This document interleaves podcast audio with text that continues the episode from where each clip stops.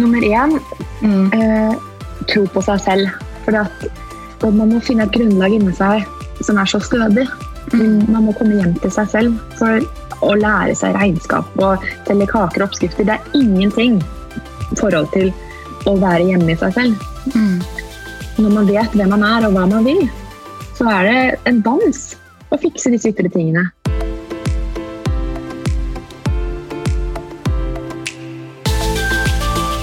Denne episoden er det Tiril Refsum som er gjest. Som dere forstår, så kunne ikke vi sitte i studio i disse dager, men vi hadde en koselig videosamtale og gjorde det beste ut av det. Tiril er gründer og eier av Oslo Raw, og historien om hvordan Oslo Raw ble til, er superinspirerende. Tiril droppet ut av journalistikkstudiet i Volda og var i en mørk periode i livet hvor hun måtte flytte hjem til foreldrene sine og var sengeliggende et halvt år. Etter hvert begynte hun å bake kaker hjemmefra som hun syklet rundt med på Majorstuen og spurte kafeer om å selge kakene sine. De ble solgt ut på dagen, og kort tid etterpå kontaktet The Well henne for å kjøpe kakene og Gyldendal for å skrive bok. I 2016 åpnet hun sin første kafé på Adamstuen i Oslo, hvor det var kilometers kø fra første dag. Hun har også åpnet en kafé på Frogner, hvor det alltid er mennesker å se. Jeg elsker Tiril sin historie, for det viser at man kan få til ting selv om livet er mørkt noen ganger. Hun er en av de som har fått meg til å stole mer på meg selv, og er også en av de som har inspirert meg mest det siste året.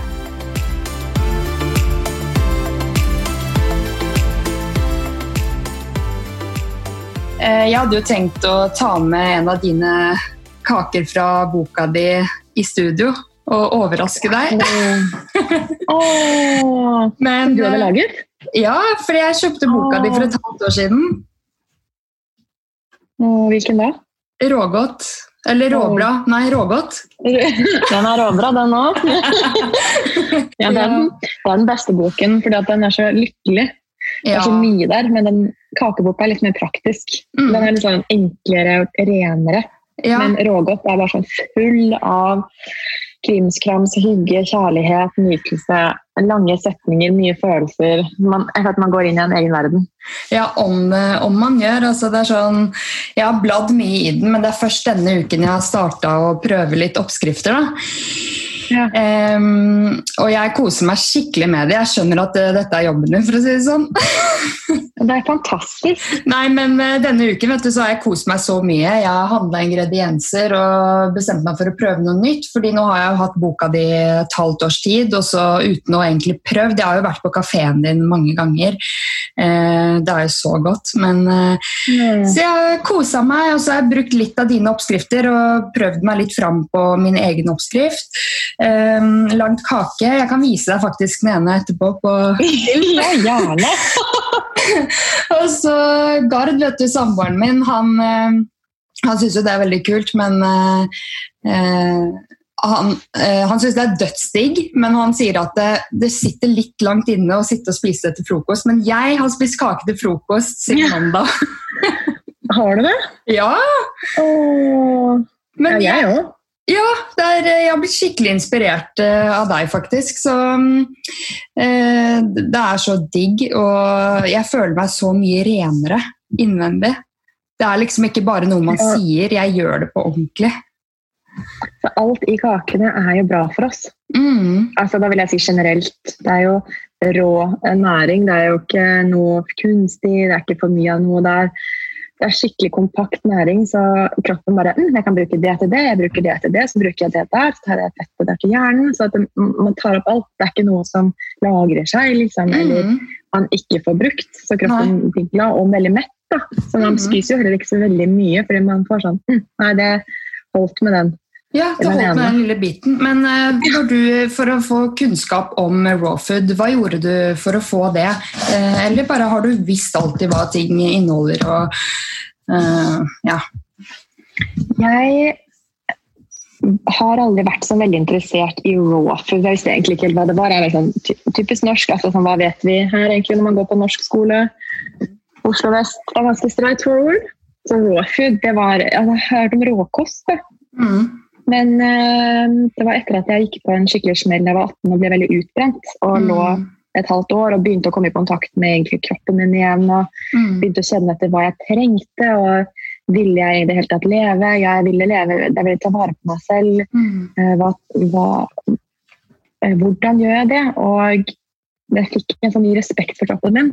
Mm. Um, og så gikk jeg alle disse trinnene. Jeg gikk litt i terapi, og så gråt jeg mye, jeg fikk ut følelsene.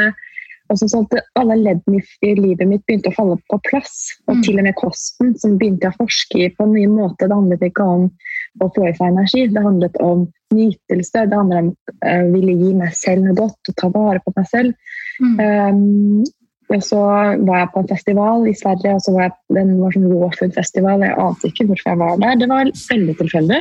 Mm.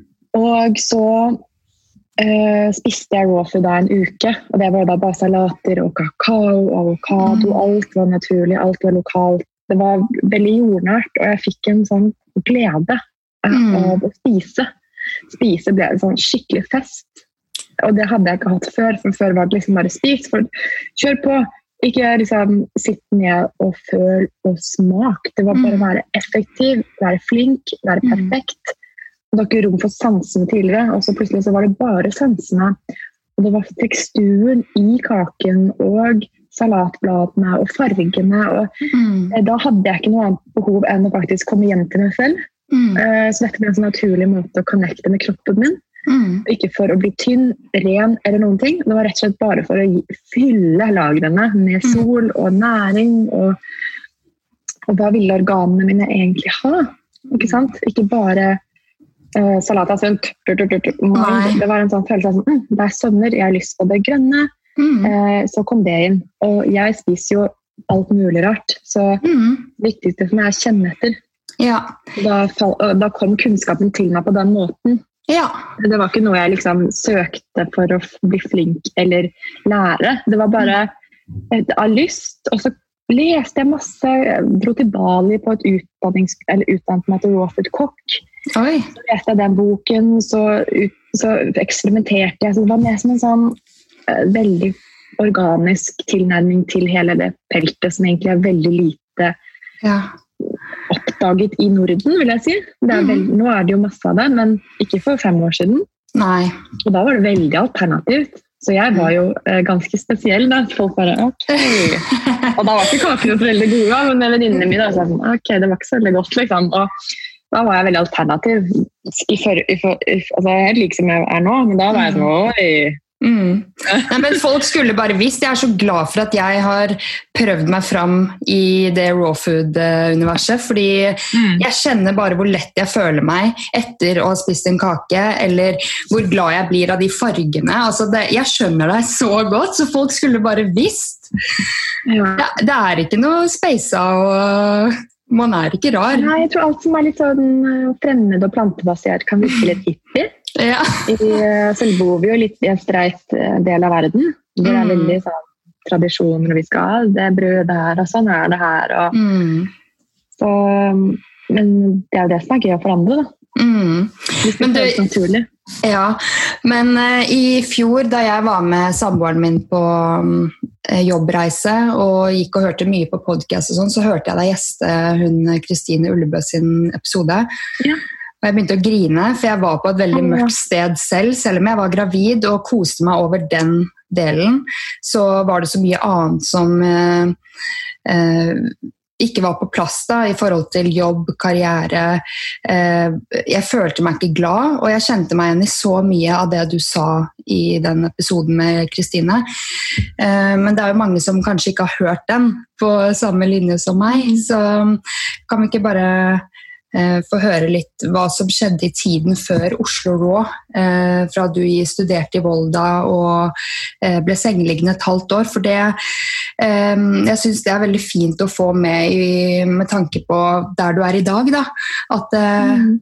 ting kan være veldig mørkt, men det kan også gå fint. Og Uten det mørke er jeg ingenting. Altså, det var der jeg fant alt. Mm. I, eh, min, fra jeg var sikkert sånn ti år, så begynte jeg å bli veldig sånn uh, happiness drug. Det var sånn at Jeg var bare hekta på lyset og mm. lykken. Og, for jeg skjønte at det var det som funket i denne verden. Være mm. glad, positiv, smile. Det var liksom det jeg skjønte. Nei, det er det man skal. Da får man uh, kjærlighet.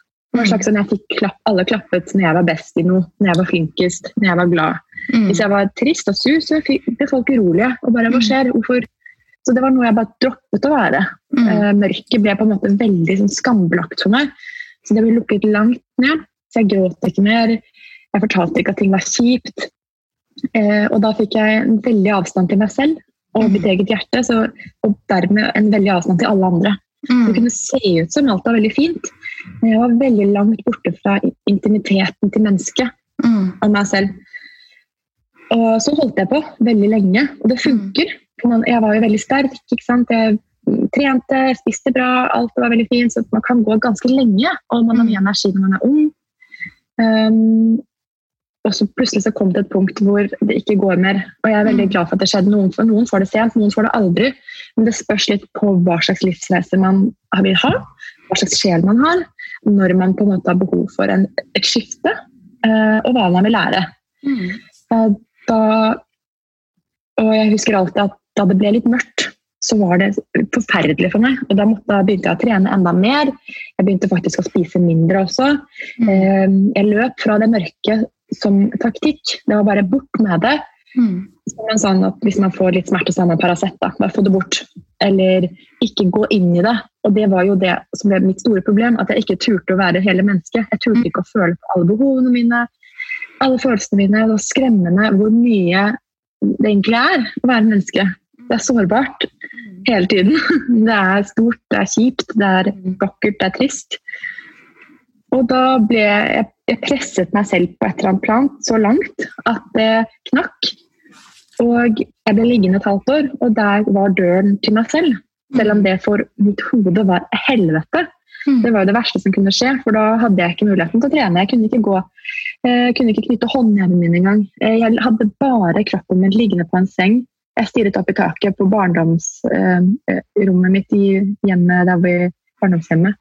Og sto opp i taket og bare kunne ikke gå. Og jeg hørte mamma og pappa nede var veldig bekymret. Hva, hva skal vi gjøre? Jeg kunne, ikke, jeg kunne, ikke, smile, jeg kunne ikke gå ned og fortelle at jeg hadde løpt fortest på det jeg har fått sex i det faget.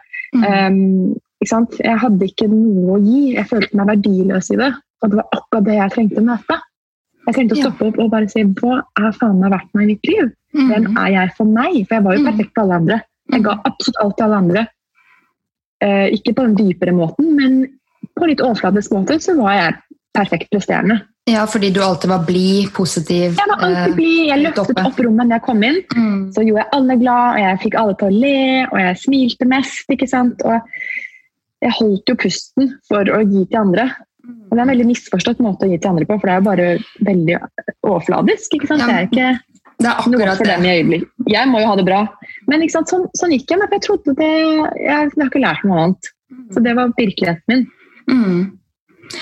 Du setter virkelig ord på det, og jeg, jeg klarer ikke å forklare det, eller få forklart det på samme måte som deg, men jeg, når du sier det, så er det bare sånn Det er akkurat sånn her jeg hadde det. Eh, og mm, du har jo sagt en liten at ting. Ja. For de som er der nå, akkurat mm. å høre på det, f.eks. at noen er der nå, så taktikken for meg var å skrive. Jeg hadde ikke noen ord da. Sånn som for for du sier at du Jeg visste heller ikke hva det var, men jeg begynte å skrive.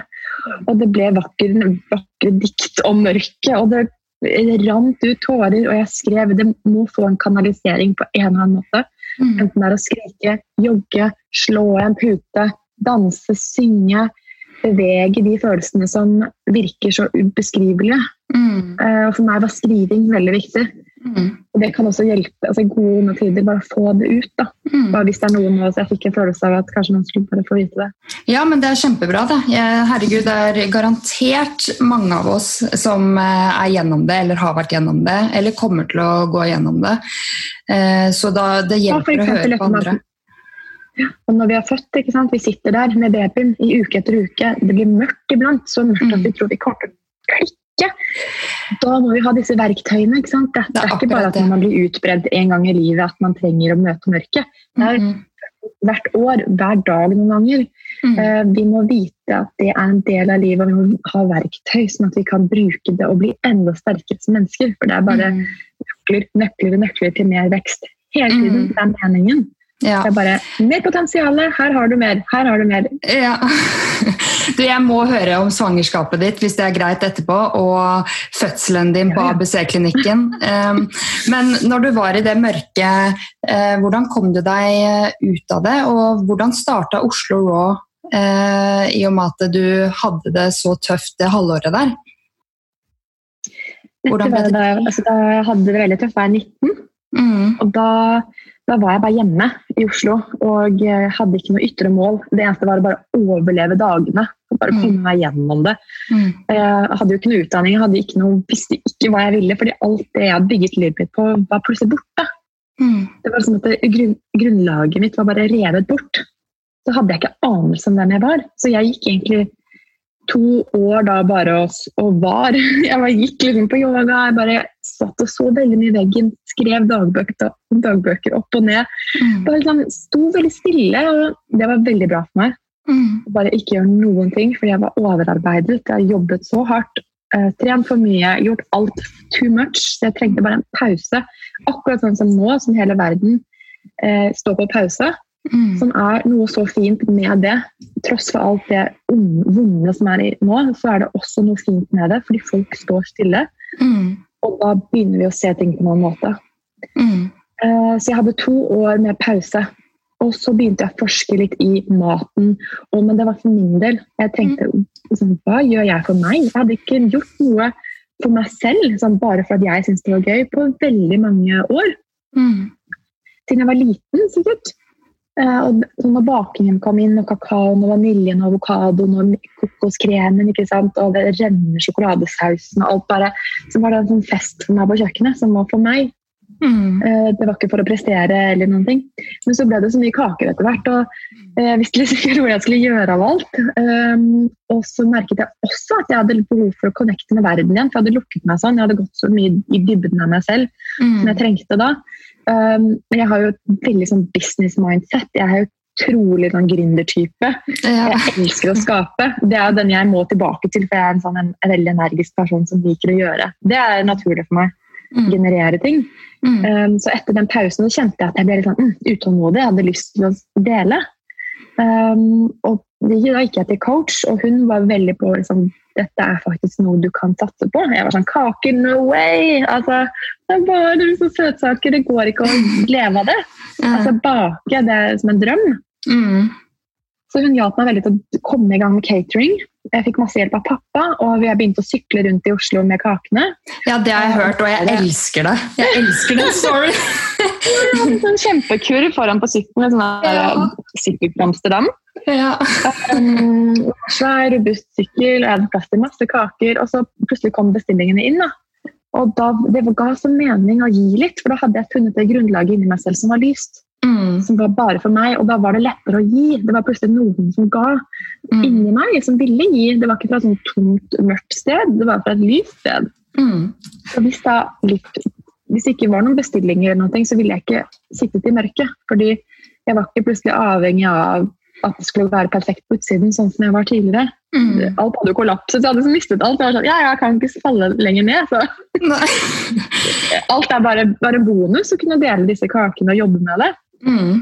Så eh, gikk tiden, og jeg begynte å få mer og mer bestillinger. Og 17. mai så var det liksom hundrevis av bestillinger. Jeg, var sånn, jeg sto på kontoret til pappa på kveldstid, hvor da jeg fikk vi lov til å Mattilsynet mm. liksom, bare, Alt var sånn fra time til time. Og så fant vi dette lokalet på Adamstuen tre år siden, eh, og jeg fikk masse hjelp av pappa. Og mm. da, da, da, var det som pang, sa det. Mm. Og For det lokale kjøpt første dag. Ja, herregud, jeg har sett det bildet hvor folk står med paraply, og du ja. bare ser menneskene stå langt. Ja. Men kjøpte du lokale, eller leier du det? Kjøpte det. Du kjøpte det? Ja, til å mm. ja. Pris, ja. og så, start, så, åpnet du et på Frogner også? Ja, så det er et år siden nå. Ja, mm. Er det også kjøpt eller leid? Nei, nei det var uh, dyrere. Å oh, ja, ok, så da leier dere? Ja. Ja, ja, ja. Vi, måtte, vi kunne ikke kjøpe det òg. Eller vi kan jo det, men da er jo liksom da må jeg snu om på hver stein her og selge ting og sånn. Så ja. det er liksom en taktikk hele tiden å finne ut av hva er riktig når, og hvilke penger skal man putte hvor. Mm. Um, men jeg fikk en god leie der. Ja, Nei, men Du gjorde dette uten en businessplan og uten å vite hvordan du fakturerte ja, ja. og uten å kunne økonomi. Hvordan har du klart dette her, og har du en oppskrift på en eh, god businessplan i dag? Nummer én mm. eh, tro på seg selv. For at, man må finne et grunnlag inni seg som er så stødig. Mm. Man må komme hjem til seg selv for å lære seg regnskap og selge kaker og oppskrifter. Det er ingenting i forhold til å være hjemme i seg selv. Mm. Når man vet hvem man er og hva man vil, så er det en dans å fikse disse ytre tingene. Mm. Mange kjenner ikke seg selv, så alt det ytre blir en kamp. Det blir veldig vanskelig. Eh, det er en struggle å leve fordi at det indre ikke er på plass. Jeg sier alltid det grunnleggende, en businessplan. Mm. Kom hjem til deg selv, finne ut hva du trives med, hva du elsker å gjøre, hva, hvor du føler at du flyter og noe, du har noe å gi. Mm. Gjerne det som er sånn enkelt. fordi ja. Ofte tenker man at det er for enkelt med kaker. Eller det er for enkelt med coaching, for det er for enkelt å prate om disse tingene. Uh, eller drive med hester. Det er bare for gøy. ikke sant? Men det er de, det er de triggerne man skal gå etter. Mm. Men da må man vite litt hvem man er. Man må kjenne pulsen sin og kjærligheten i hjertet. og sånn, Hvor er det jeg føler meg inspirert, og hvor er kreativiteten min? Hvor er kraften min? Eh, hvor kjenner jeg meg lett? da? Og Det må på plass først. Og da er det veldig lett å lære ting som kanskje en gang virket vanskelig. Mm. Sånn som å ha ansatte. og man, man har mye mer å spille tilbake på når det blir mm. vanskelig da, å lære seg regnskap eller håndtere 17 ansatte på ett år, som jeg hadde, mm. som var drittøft for meg. for Jeg ja. visste ikke helt hvem jeg var som leder, men jeg visste hvem jeg var som Tiril. Jeg visste Jeg kjenner meg selv. Mm. Og da ble alt lettere. Mm. Jeg, må jo, jeg må jo falle og feile og kjøre på, men det, det var liksom ikke problemet. Problemet for meg var tidligere at jeg faktisk ikke hadde det bra med meg selv. Mm. Men det er sant som du sier, når man har det godt med seg selv, elsker seg selv og gjør ting som er godt for deg, så kommer andre ting litt sånn naturlig. Eh, men den oppskriften den tenkte ikke jeg på i fjor. Det er sånn, Når du sier det, så høres det bare selvfølgelig, men eh, det, er, ja, det er så bra at du sier det. Vi har lært den andre veien. Vi skal først, eh, vi får et navn når vi blir født. Vi skal på der ute, vi skal på den skolen. Vi bygger mm. opp et helt enormt felt rundt oss av strukturer. Mm. Eh, du er en sånn type, du får den diagnosen hvis det skjer. Alt er sånn. Men så bygges vi, vi, vi bygges ikke opp fra innsiden. Nei. Og da blir det jævlig utrygt i denne verden. Mm. Når, når mm. alt kollapser, økonomi, når folk blir syke, man ser bare verden raser, så mm. raser jo seg selv. ikke sant? Mm. Men hvis man har en trygghet på innsiden og en stabilitet, så vil ikke det være like farlig at verden rundt raser, fordi man vet at man kan bygge opp igjen. Ja. Fordi man har bygget det grunnlaget fra innsiden. Mm. Det er det jeg skulle ønske at vi fikk inn tidligere i livet. Den, den grunnleggende troen på mennesket vi er. Ja. Vi har enorm kapasitet. Så hvert individ har enorm drive til mm. å bidra i verden og ha det bra. Ja, det er akkurat det. Er sånn at vi liksom lærer at jeg har ingen peiling før du har tatt den mastergraden i åtte år i England. Mm. Mm. Så, mm, kanskje ikke det er den veien som gjelder for alle. I hvert fall ikke for meg. Har du fullført noe utdanning, eller har du faktisk bare starta noe så stort og bra uten å egentlig ha en bachelor, eller Jeg dro til Volda et halvt år, jeg. eller det var kanskje bare fem måneder. Oh, ja. Det var journalistikk, liksom. Ja. Det var, men det var jo ikke det jeg skulle gjøre. Mm. Så jeg har jo ikke noe utdanning etter det. Jeg har jo, jeg har jo bare fullført videregående. Bare og bare. Men, ja, men det er jo ikke bare. Det var, altså... ikke, min, det var ikke min reise. For min, min, reise handlet om å gå inn i helvetet mitt så fort som mm. mulig, så jeg kunne bli ferdig med bullshitten og mm. starte fra et lyst grunnlag som var ekte og sant. Mm. Og derfra kan man, er det ingen grenser. Men jeg var mer opptatt av å jorde meg inn i meg selv mm. eh, og forske i eh, røttene mine mm. enn å lære mer oppi hodet. Og det er sikkert veldig bra for noen å gjøre det. Jeg tror at alle har ulike reiser og ulike behov. Eh, og det er det som er spennende. Mm. For meg var det det å bli kjent med dybden min. Mm. Uh, og rikdommen på innsiden, som var min, mm. min utdanning og mitt kall. Ja. Og det er det hvert sekund hver dag. Hele tiden. Og det er mm. der jeg henter uh, alt. Ja, Du virker så positiv når jeg ser Insta-storyen din. Du står og danser med Molly på magen og, og drikker grønn sellerijus, liksom. Da blir jeg bare sånn Ja! Det er så positive vibes. Og så er det så lett, egentlig. Eh, jo enklere, jo bedre. Vi blir veldig fort avansert. Mm. Det skal være så avansert, og disse diettene, og det skal være kun det. og um, Det skal være spesielt for å være lykke, lykken er special. Så er det sånn er enkelt. Og mm. nyfødte små søte klumper er det perfekte inngangen til det rike av enkelthet og ja. glede. Mm. Og ubegrenset kjærlighet og tilstedeværelse. Mm. Det er livet. Mm. Men har du møtt på noen utfordringer eh, etter at du startet for deg selv? Nå vet jeg jo at eh, korona sikkert eh, går utover din bedrift sånn som alle andre, eller merker du ikke så mye til det enda? Vi har jo stengt Frogner, så vi merker jo ganske ja. Men jeg har sett at dere har sånn takeaway. Ja, du har det? Eller dere har det? Ja, vi har jo noen som står igjen på 50% liksom, og fikser takeaway. Så det er jo mm. total omveltning. Mm. Eh, det er ikke de største utfordringene jeg har hatt, i hvert fall. Eh, som sagt så er det det indre som har vært det vanskeligste for meg. Mm. Jeg tror at det ytre blir ikke så mørkt når det indre lys er litt lysere. Nei. Ehm, jeg bruker alle disse ytre kollapsene og hendelsene til å gå dypere i meg selv. Sånn, ok, mm. Hvis dette gjorde at jeg ble forferdelig forbanna, urolig og redd og uh, ufull av frykt, da, så visste jeg at ikke frukt, frykt. Eh, så, Her er det bare frukt og råkaker. ja, jeg bare tenker bare på frukt. Altså, så visste jeg at jeg har en jobb å gjøre på innsiden. For det er, alt, det er jo bare en refleksjon. Mm. Så hvis så jeg bruker alt rundt som en sånn Det er mitt sånn lærerstad, eh, lærerfelt, liksom. Jeg er hele tiden studie. Der um, når noe skjer rundt meg, så sjekker jeg alltid hva skjer med meg. Mm. Og jeg kjenner meg selv veldig håpefull, lykkelig nå. Jeg ble sånn mm.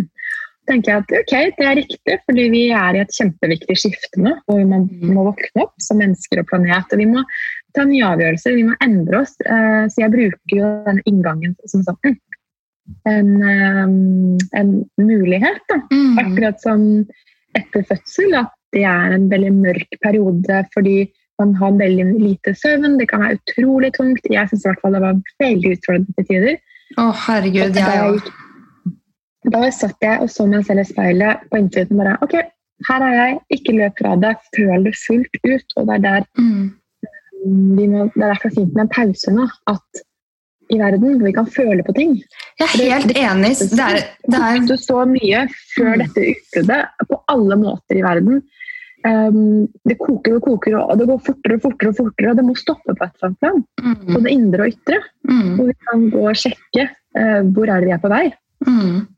Jeg, jeg, føler at uh, alle egentlig har godt av en slik pause. Jeg syns det er veldig trist at uh, det rammer så mange som det gjør, men uh, samtidig så får vi jo ikke den muligheten til å være samla på den måten man er med familien, kanskje. Nå, nå, holder jeg meg unna alle andre enn sønnen min og samboeren min, da.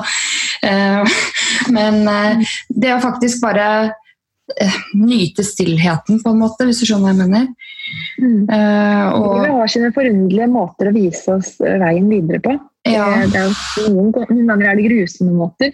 Jeg tenkte selv at jeg kom til å dø da jeg var 18. Det var helt forferdelig, men det var min måte å våkne opp på. Mm. Så nå er vi i en krise som også får oss til å våkne opp. Mm. Um, som kan gjøre deg kreativ og uh, ja, Vi er nødt til å se på dette som en mening. Det er ingen mm. tilfeldigheter her. Det er, eh, det er, helt riktig, det er livets flyt. Mm. Det er planetens vei, det er naturens gang. Det er sånn mm vi er en del av hele samspillet her. Det er ikke noe mm. tilfeldig. Eh, vi må lære i det vi er. Mm. Så Jo mindre motstand vi har, jo mindre vi går inn i frykt og panikk og i hodet, jo større er sjansen for at vi kan bli styrket nå og mm. finne enda mer godsaker på innsiden. Og, hva kan jeg gi nå? Hva har jeg lyst til å gjøre videre? Hvilke ressurser har jeg til å hjelpe andre? Mm bedre, istedenfor å tenke meg og mitt. Og hvor mange likes og følgere har jeg? Og hvordan tjener jeg mest? Mm. Men det teller ikke. Nei. Det har ingenting å si. Nei. Det ser vi nå. at ah, Vi er jo egentlig bare en stor båt alle sammen. Alle sammen, ja. Og hva kan jeg gi til alle her? Mm. Jeg håper at folk nå bare mm, Hva er mine lister og gaver som jeg kan dele med andre? Mm. Du, I går kjørte jeg rundt til familien og la raw-kaker på døra. Ja. og mor, mormor, svigermor, familien min eh, som bor 20 eh, minutter unna, så tok de en liten kjøretur, og de elsket den. Tenk bare sånn for... høydepunktet. Ja. Det å få den der connection og bare Oi, hun mm. ga den. Det er de ja. veldig små tingene. Mm. Jeg håper det er det vi blir minnet på nå. De veldig små tingene. Jeg kan kjenne selv om jeg sitter i leiligheten her med mannen min og barna og hundene og kattene og sånt, så kan jeg nesten føle gleden til familiene rundt også. For det er noe med det samholdet. man endelig er barna hjemme med foreldrene, da sitter man og spiller kort, eller man står kanskje bare stille. Man bare pusler, og det er en glede i det og mm. enkelheten. Man mm. skal ingen steder. Eh, man skal ikke fikse noe eller eh, løse problemet, man skal bare være. Mm. Og i det kan mange problemer løses naturlig. Mm. Men hvis det sitter noen nå og hører på som har lyst til å bli gründer, bl.a. meg, jeg har hatt en gründerdrøm siden jeg sikkert var 14. Mamma og pappa husker at jeg har alltid vært sånn som skal starte for meg selv, være min egen sjef. Um, så jeg håper jeg får til det en dag. Men jeg må bare finne ut, for jeg har flere ting som jeg har passion for. Um, jeg har ikke bare den ene tingen, så det er det som gjør det litt komplisert oppi hodet mitt. Men uh, hvis det er noen andre som har en idé, har du noen tips eh, til eh, hvordan man skal tørre å satse da? Jeg tror alle drømmene har hver, hver sin tid. Ikke sant? At nå er det tid for det, og så er det tid for det. Så alle, alle passions eh, og drømmer og ønsker har plass i livet. Det er ikke sånn at man må velge én. Man kjenner at liksom, hva føles riktig nå. Mm. Um, og dessverre så er det mye som må dø av ideer, av eh, tanker om hva man burde. Fordi det hindrer oss veldig. Sånn, jeg må ha pengene, jeg må ha den utdanningen, jeg må være mm. sånn, jeg har ikke nettverket. Det kommer utrolig mye negative tanker når man først ønsker å gjøre noe, for det er skummelt. Det er nytt, mm. og det er klart man er redd. Men det første man må gjøre, er å prøve å ikke gå inn i hodet og begynne å analysere disse hindrene. Nei. For da har han egentlig allerede sagt stopp. Ja. Det blir veldig vanskelig å skape den flyten. Mm. Så egentlig det mindsettet jeg jobbet mest med da jeg begynte Oslo Raw, var egentlig tankene mine. For det virket som alt på en måte kunne flyte rundt. Kundene kom på en måte. Jeg tok noen bilder, la ut. Jeg gjorde det sånn, hadde det veldig gøy. Mm. Men jeg begynte å tenke nei, fader, altså, jeg har ikke peiling på økonomi, jeg kan ikke gjøre det her. Så stoppet opp. Mm. Istedenfor da å tenke ja, jeg lærer meg det, jeg googler det. Ja. Så hvis det er mulig å starte en raw food-kafé på Adamstuen uh, der alt annet på en måte gikk ganske halvveis Det, det er jo ikke folk der oppe, folk bor der, men det går jo ingen forbi. Det er ikke Oslo sentrum. Hvis Nei. det er mulig, så føler jeg at alt er mulig. Mm. Altså, det er egentlig bare opp til en selv. Altså, man kjenner hva føles riktig nå. Og så kommer alle stegene etter hvert, og man kan ikke hoppe ti steg frem. Man må gjøre akkurat det man kan gjøre her og nå. Og jo mer man gleder seg over der man er, jo fortere går det. Jo mm. mer man eh, setter pris på absolutt alle småbitene av tingene som skjer nå, mm. så kommer drømmene fortere. Mm. Det blir veldig sånn å tenke fremover. Nei, jeg vil ha alle klientene nå. Nei, jeg vil vite absolutt alt nå. Det er ikke veien, fordi da vil det alltid være mer, mer, mer, mer. mer. Mm. Men sånn, OK, jeg er her. Mm, jeg skal starte en business. Og så begynne å drømme inn i det. Begynne å lage vision board, skrive connecte med folk. Vær ute, gå ut i livet. Kanskje ikke akkurat nå, men det er et stort, stort, stor verden på nett. Mm. Um, alt ligger der. Så det egentlig er det bare hindrene i hjernen vår som stopper oss. Det er ingenting ja. der ute som egentlig hindrer oss mm -mm. i å drømme, oppfylle drømmene våre. Og mm. det er det viktigste jeg kan si. For da Jeg vet vi klarer det, det vet jeg. Men det er mm. ofte at man ikke tror det selv, mm. som gjør at um, det blir tungt, da. Mm. Nei, ehm, jeg, syns eh, alt det du sier, det får meg til å tenke at eh, eh jeg skal stole på meg selv.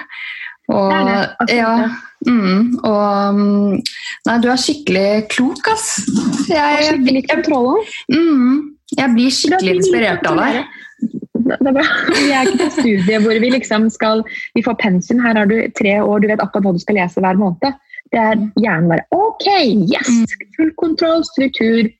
men det er også en lockdown i det, fordi man låser seg fast til en, en plan som er gitt av noen som skrev bøkene for 20 år siden. Mm, det er så lite kreativt ja. på mange måter. Uh, men denne gründerveien Jeg kjenner spiren i mange folk som bare, å, jeg har så lyst til, og så kjenner man at mm, det er mye energi der, men man blir redd. Men da kan man heller ikke forvente å vite fra måned til måned hele tiden. Man må også falle godt tilbake i lenestolen si mm. OK, bring it on! Jeg vet ikke helt, men jeg kjører på. Jeg vil. Mm. Og da, det er egentlig det viktigste. Ja. Sier man til livet sånn Jeg stoler på deg. Jeg er med. Gi meg det jeg trenger, liksom. Mm. Og så må man jo ta action, men med lette steg. Og mm. eh, ikke så harde grep. For jo mer man prøver å holde fast ved det man tror, tyngre blir det. Mm. Og så plutselig så viser det seg at det kommer inn en helt annen drøm som du ikke visste du hadde. Som ender opp med å gjøre det enda lykkeligere. Ikke sant? Ja. Man vet ikke helt hvordan det løser seg. Um, og vi trenger ikke å vite alt. Men det å være til stede og ta action på drømmene våre nå så godt vi kan, og glede seg over det, mm. det er eh, Da begynner vi å snakke lykke. Ja. Men er Oslo Raw-konseptet ferdig utviklet? Det utvikles hver dag. Altså, ja. Så lenge Jeg tror bedrifter som går under, det er de som stopper å utvikle seg. Mm. Um, mennesker som blir deprimerte, er de som lukker seg. Mm. Og ikke vil føle og forandre seg. Mm. Vi, så lenge vi lever på denne planeten, så er det konstant flow, forandringer, død, liv, opp, ned. Uh, og er man en leder og vil skape en organisk bedrift som vil være levedyktig, så må man mm. være på den strømmen hele mm. tiden. Gi slipp, åpne opp og feile og reise seg og gå dypere inn i problemene og se hm, hva er dette utfordringene, hva skjer? Ok, hvorfor det? Hm, snakke sammen. Det er hele tiden um, noe å sjekke og utvikle seg i, mm. da, da, kan man egentlig ikke tape, for det er egentlig ingenting å miste. Altså, vi er på et, et eksperiment her. Det, alt blir et slags eksperiment. Om, hvis Oslo gikk under nå, ok, da hadde vi ikke gjort alt. Da var det ikke meningen at vi egentlig skulle klare det. Nå, da har vi ikke gjort alt riktig, men vi gjør noe annet neste gang. Kanskje vi skal ha en ny bedrift. Det er ikke så viktig. Det viktigste er at man gjør noe, så man blir glad. Ta action på noe. Start. Um, det er alltid fulle kafeer, altså. Eh, hos deg. Ja. Jeg tror det er altså at det er miljøet og energien er det viktigste. Det er mm. ikke selve produktet. Altså, jeg kunne godt drevet med andre ting, men core handler om eh, at vi vokser som mennesker og connecter med hverandre. At vi har et community, at vi kommer nærmere sjelen vår, gleden vår og hjertene våre. Det er det egentlig alt handler om. Og om det er kaker eller hva det liksom blir på utsiden, det, det er ikke så viktig. Så viktig. Mm. Men hvordan er du som leder? Har du tatt noen kurs uh, for å ja. jeg, Nei, jeg har ikke tatt noen kurs, men jeg har jo gått veldig mye til coach. Ja. Jeg har jo min coach Billy. Hun ja. har hjulpet meg gjennom hele veien. Okay. Um, det er også bare sånn Zoom-møter. Det har vært utrolig hjelpsomt.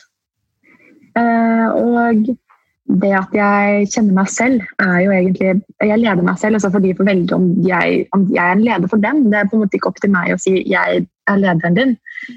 Uh, har de respekt for meg og vil følge meg, så er jeg lederen deres. Men det er sikkert noen som ikke gjør det. Som på en måte ikke egentlig ikke vil følge meg. Og mm. det er helt greit. Det viktigste for meg er at jeg er tro mot mine verdier og er en leder som jeg kan stå inne for å være. Mm. Og behandler dem på en måte som jeg mener er riktig. Ja.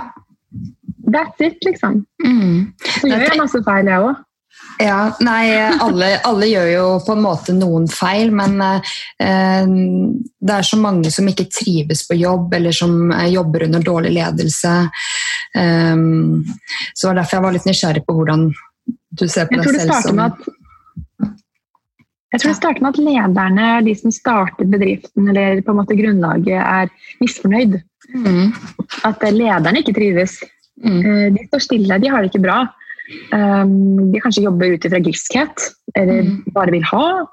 Eller er deprimerte. Og da vil det infiltrere i alle under. Mm. Så det viktigste er jo at lederen kjenner at dette er en meningsfull og fantastisk oppgave. Og da vil det bli mye lettere for de andre å føle at det er meningsfullt å jobbe for denne personen, for det, hun eller han finner masse mening og glede i det. Mm.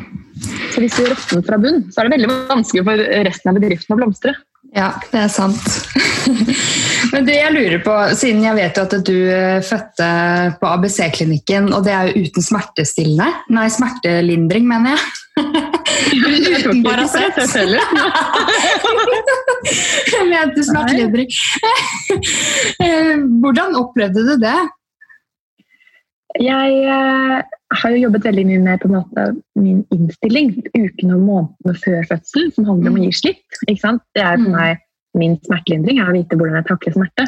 Mm. Um, hvordan jeg håndterer smerte med pusten min, innstillingen min, tankene mine, følelsene mine. Um, så jeg leste ikke noen bøker egentlig før fødselen. Jeg har ikke hørt på noen podcaster. Jeg har ikke researchet noen ting. Jeg visste ikke engang hva slags smertelindring man kunne få. Jeg, visste, jeg hørte om noe epidural, men det var helt uaktuelt. Var det det?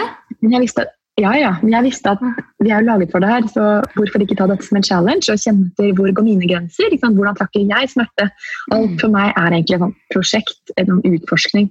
Jeg visste ikke hvordan det var å ha doula. Alle rundt bare, ja, aner ikke hvordan det er å ha doula. Bare, da får jeg ta en doula, så får jeg sjekke hvordan det er å ha en doula. Og det var jo veldig verdifullt for meg. Jeg hadde en doula, hun heter Ragnhild. Hun hjalp meg lenge før fødselen, og under fødselen og etter fødselen.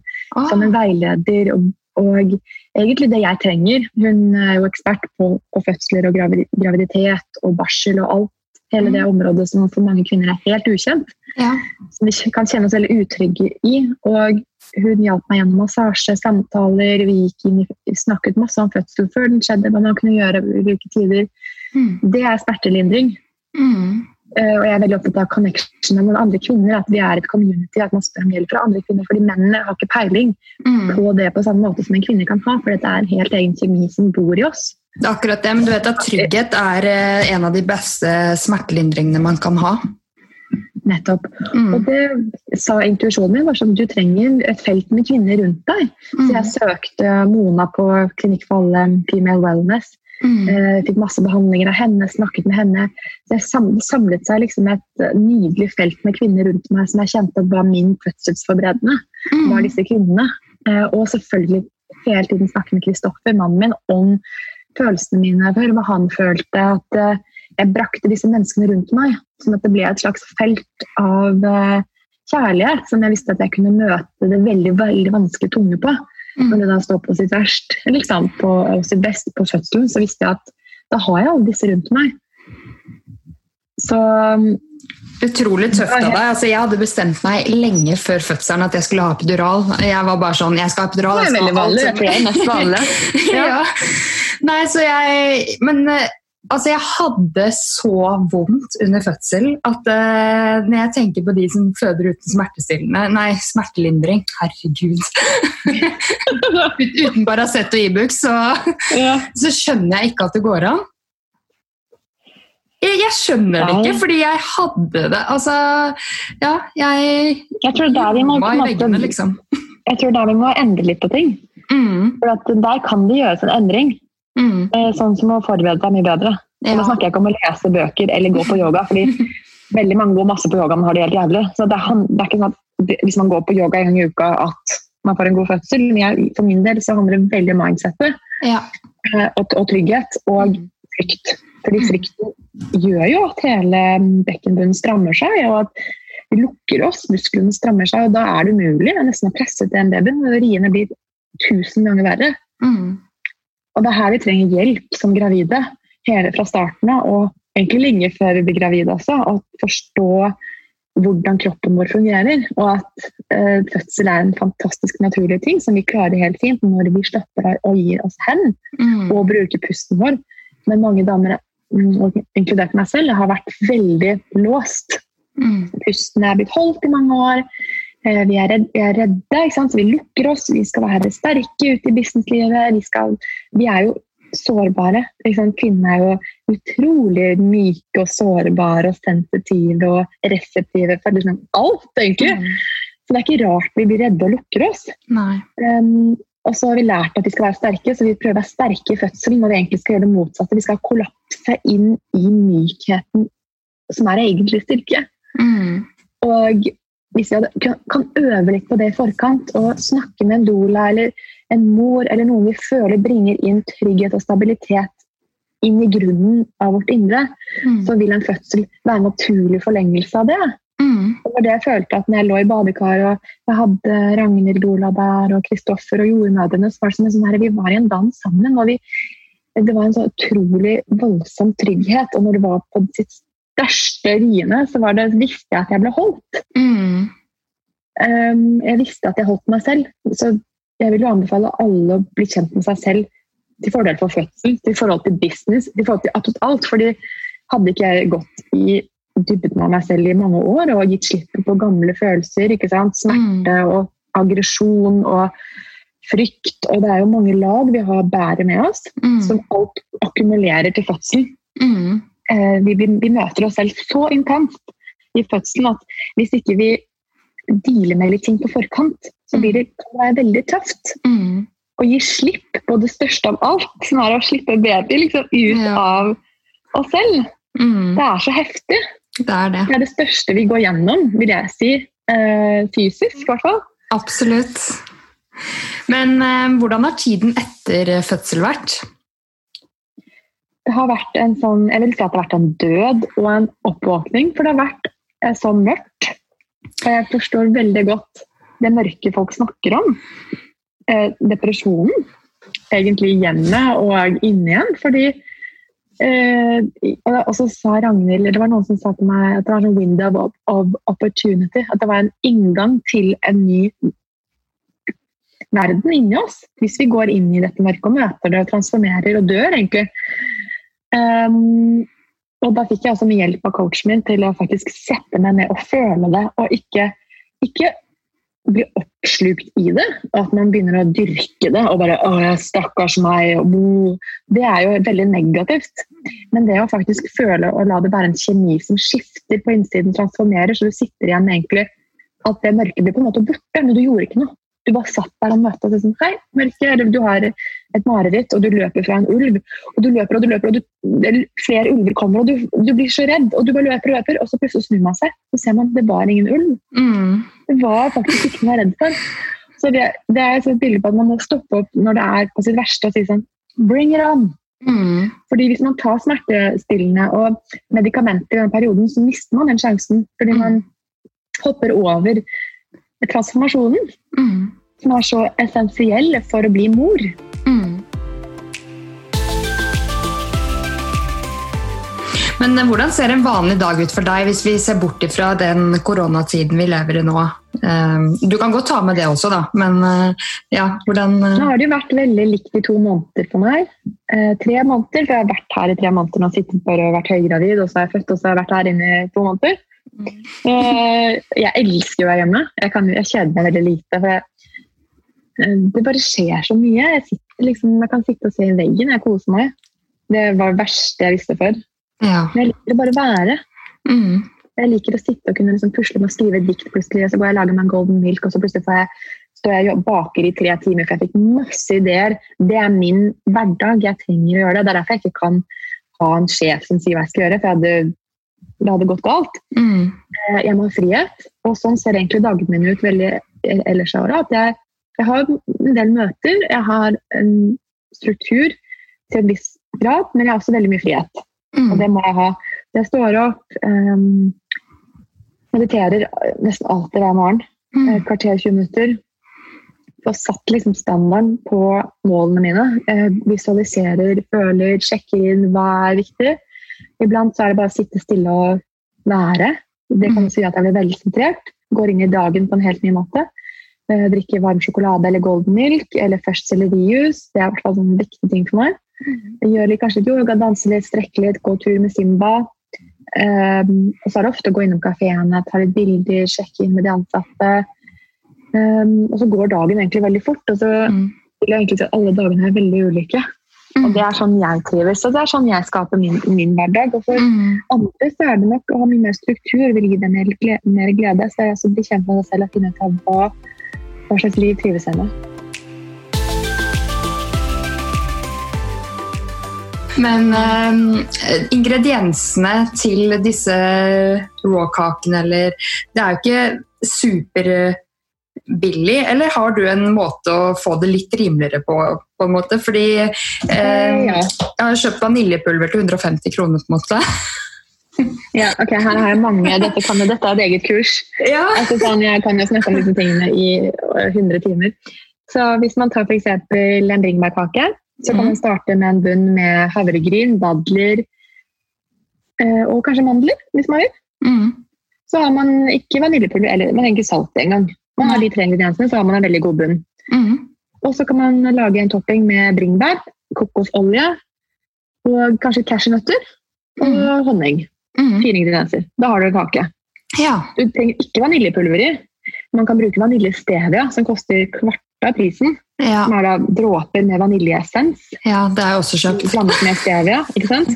Så her kan det bli veldig billig. Eller så kan du gå på en sånn mega fashion chocolate cake med fire lag av alt mulig. Mm. Så her kan man gå begge veier. Begge veier, ja. Altså, det blir jo det man har lyst til å bruke penger på å putte verdi i. Mm. Og det trenger ikke være en dyr kake for å være en supergod kake. Nei. Så jeg Kakeboka viser mye mer til de enklere kakene enn Robot, mm. som var full on med absolutt alt. ja.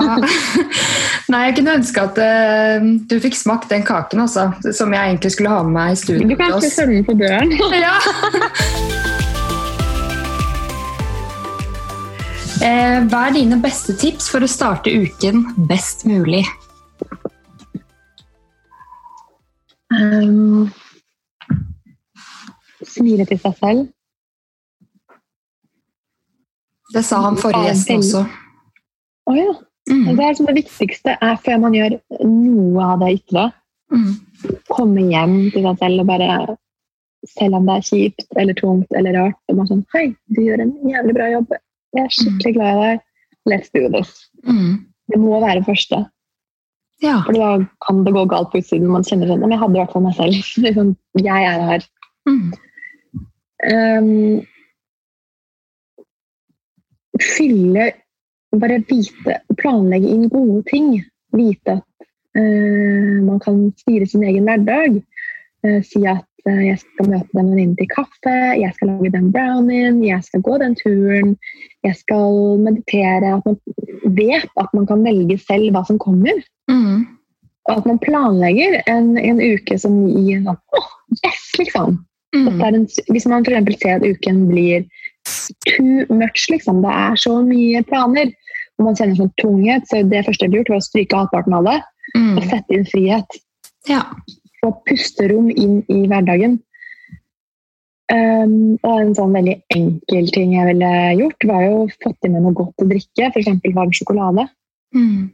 Golden milk, noe som nærer. Nå er jeg veldig opptatt av næring, uh, fordi det gir en grunning i kroppen. Mm. Man lander i, hvis jeg går sulten lenge, så kjenner jeg meg hard og kald. Jeg blir litt sånn stressa. Og, så det å fylle på med gode, nærende drikker og, og mat er uh, utrolig viktig for å opprettholde balansen.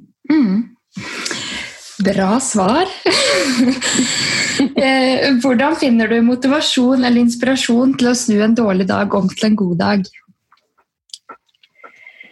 Altså, jeg gjør det, jeg føler at jeg gjør det hver dag. Jeg, jeg må snu på ting.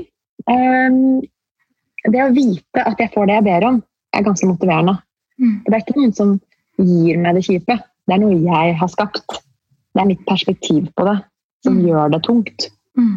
Så det å vite at jeg har fullt ansvar for det som skjer, gir meg en sånn mm, Ok, nei, men faen, da snur jeg rundt på det. Da skaper jeg noe bedre. For det her gidder jeg ikke å holde på med lenge. Jeg gir det maks et par timer hvis jeg er skikkelig low. Så jeg er sånn Nei, ikke mer. Fordi um, det, er ikke, det, er ikke, noe poeng å gå, gå så dypt inn i det kjipe. Uh, fordi jeg vet at det blir bare mer av det. Mm. Så å ta ansvar for situasjonen gir eh, tar jeg tilbake kraften. Og så blir det mm, det er mitt liv, jeg bestemmer, jeg har skapt det. Mm. Hva vil jeg ha mer av? Mm, jeg velger. Mm. Og når vi skape kjipe ting og, og være litt misfornøyd, ja, men da gjør man det, så tar man fullt ansvar for det. Det kan være litt digg det iblant også, bare gå skikkelig inn i det. Ja. da gjør man det 100 i hvert fall.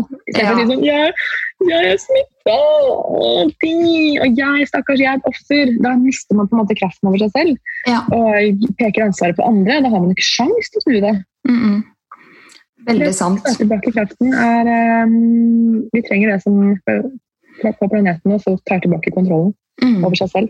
Ja. Ikke forvente at andre skal fikse det. Sant. Hva er du takknemlig for? At Molly er frisk. Det er sånn skikkelig sterkt for meg at hun er glad og trygg og frisk. Det er sånn, Da gjør jeg meg så lykkelig hvis jeg våkner på natten hun ligger sånn, sånn, inni sånn svøpe og bare ligger sånn og sover. Det er utrolig takknemlig. Mm. Å, jeg er takknemlig for så mye. Jeg er så glad for at jeg sitter i denne deilige sofaen, at jeg har tørre klær, at jeg kan gå og ta en varm dusj, at jeg har kjøkken, ovn, mm. at jeg har strøm, at uh, lyset skinner, at jeg kan ringe en venn. Altså, det, er, det, er, så mye at uh, det renner over. Ja, bra. Nei, men Det er viktig å tenke over hva man er takknemlig for noen ganger. Det, og det er bare bra at du kommer på så mye, for det viser at du setter pris på ja, mer enn én ting. Mm, det er eh, alltid de små tingene som Eller det å få barn er jo det største, men ja. ja. ja. det åpner opp hjertet. Mm. Eh, hva inspirerer deg? Um, å se at jeg kan gjøre en endring. Jeg syns det er veldig inspirerende. Jeg føler at jeg, at jeg har kraft til å ha en effekt. Jeg jeg, det, er ikke, det, er ikke, poengløst å gjøre ting i den verden. Mange at ting er bare så meningsløst, at det skjer ikke noe uansett. Men det inspirerer meg å se at vi alle kan forandre noe. Mm. At alle har en effekt. Alle er like viktige. Alle har en stemme.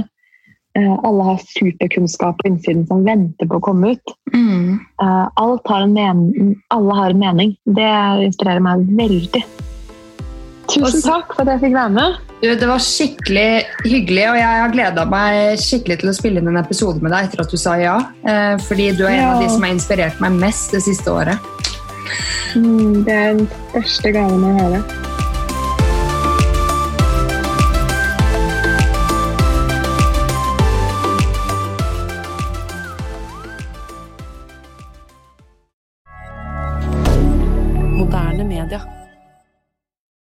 Har du et enkeltpersonforetak eller en liten bedrift? Da er du sikkert lei av å høre meg snakke om hvor enkelt det er med kvitteringer og bilag i fiken, så vi eh, gir oss her, vi. Fordi vi liker enkelt. Fiken superenkelt regnskap.